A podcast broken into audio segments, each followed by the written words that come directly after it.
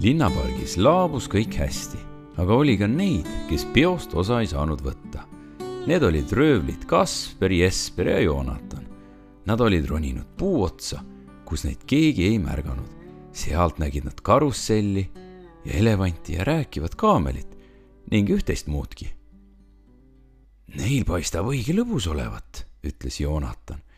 meil on ka siin lõbus, ütles Kasper. mitte nii lõbus, ütles Jesper. ta oli parajasti märganud väikest kamamillat, kes sõitis ratsa rääkiva kaameli seljas. õnnelikud on need, kes kaameli seljas ratsutada saavad, ütles ta. tore oleks ise ka proovida seda ükskord, arvas Joonatan. Jesper arvas sedasama ja läks nii elevile, et pidi ääre pealt puu otsast alla kukkuma. teate, ütles ta, teate, mis me teha võiksime? Me võiksime oodata, kuni öö kätte jõuab ja, ja pidu lõpeb ja siis röövime kaameli ära. jäta nüüd, ütles Kasper. meil ei ole ju kaamelit tarvis. kuidas ei ole, muidugi on tarvis. no mis me sellega siis peale hakkame? no näiteks, kui me röövimas käime, siis saame teda sinna, sinna seljas sinna edasi-tagasi ratsutada ja meil pole tarvis rasket kotti üldse tuuri all koju kanda ja siis saaksime palju, alati palju rohkem eh, kaasa tuua, ütles Joonatan.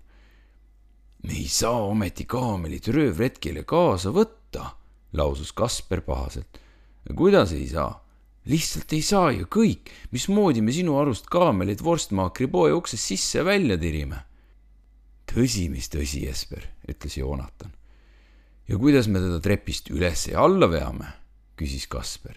noh, jätame siis selle kaameri röövimata ütles Jesper solvunult. Nad istusid natuke aega ja vaatasid sõnagi lausamata parki. siis ütles Jesper. tegelikult on ikka väga kurb, et me kunagi peole ega kusagile minna ei saa. sellest on kahju jah, ütles Joonatan. aga neil on seal kindlasti midagi head süüa ka. no meil on niigi hea olla, ütles Kasper.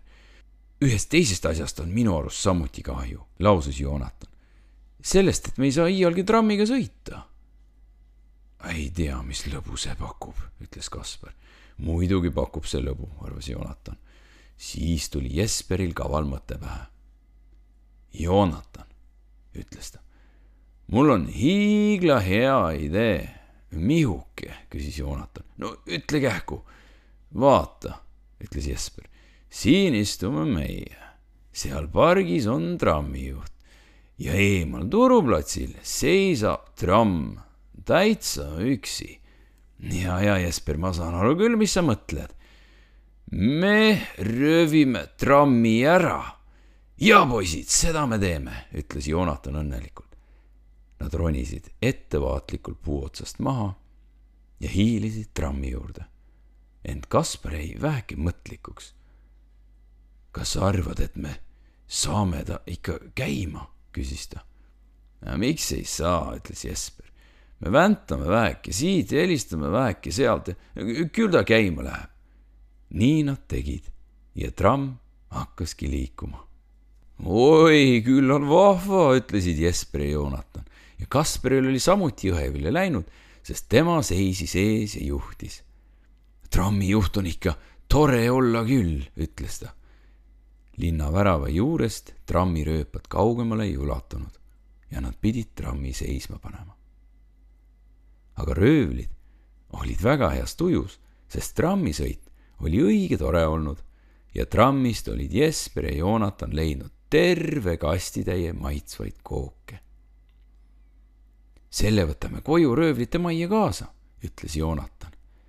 ta võttis Jesperiga kasti kahe vahele ja nad kõndisid kolmekesi rõõmsalt ja õnnelikult kodu poole. nii said nemadki Kardemani päeva pühitseda. õhtupoolikul tulid Habemaja, Sörensen ja trammijuht Süüverson tagasi turuplatsile. Nad olid väga heas tujus.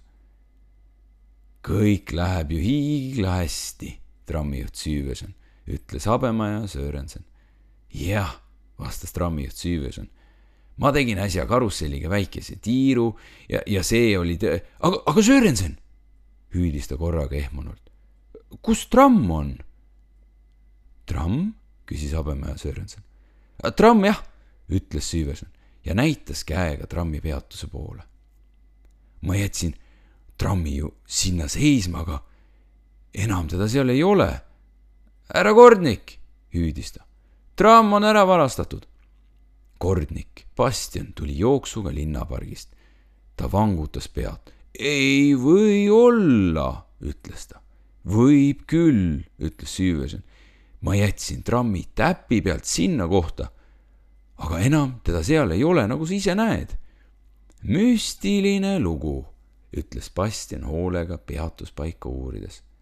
seda küll, ütles Habemäe Sörensen. Bastian oli väheke pahane. Täna on trammi kaotsi minekuks väga ebasobiv päev, ütles ta. olgu pealegi, ma panen selle oma raamatusse kirja. korraga tuli talle mõte kuule, trammijuht, ütles ta, kas tramm saab seal ka sõita, kus rööpaid ei ole? ei, Kordnik, see on küll võimatu, vastas trammijuht Süüvesen. Aga siis peab ju tramm kusagil selle paiga ja linnavärava vahel alles olema. küllap vist, arvas Süüvesen. no siis leiame ta ju üles, ütles kordnik Bastian. tulge minuga kaasa, seaduse nimel Nad leidsid trammi linnavärava juurest, tervena ja heas korras. esimesena nägi seda kordnik Bastian. seal see tramm on, ütles ta uhkelt. seal ta on jah, ütles Habemäe Sörensen. endiselt terve ja heas korras, ütles trammijuht Süüverson. ainult koogikast on kadunud. see ei ole veel kõige hullem, arvas Bastian rahvas on täna nii palju kooki ja maiustusi söönud, et homme saab ilma kookideta ka hakkama. trammijuht Süüvösen helistas trammikella. Võtke platsi, hüüdis ta ja Bastian ning Habemaja Sörensen võtsid istet ja peagi oli tramm jälle turuplatsil. turuplatsil olid kõik rõõmsad, et tramm on üles leitud ja rahvas plaksutas trammile hurraa, trammile hurraa, hüüdsid nii suured kui ka väikesed. ja hurraa trammijuht Süvesenile ja kordnik Bastianile. Bastian oli väga rahul ja nüüd kestab Kardemoni pidu edasi, hüüdis ta. nii ka juhtus ja kõik laulsid kaasa, kui linnaorkester Kardemoni laulu mängima hakkas.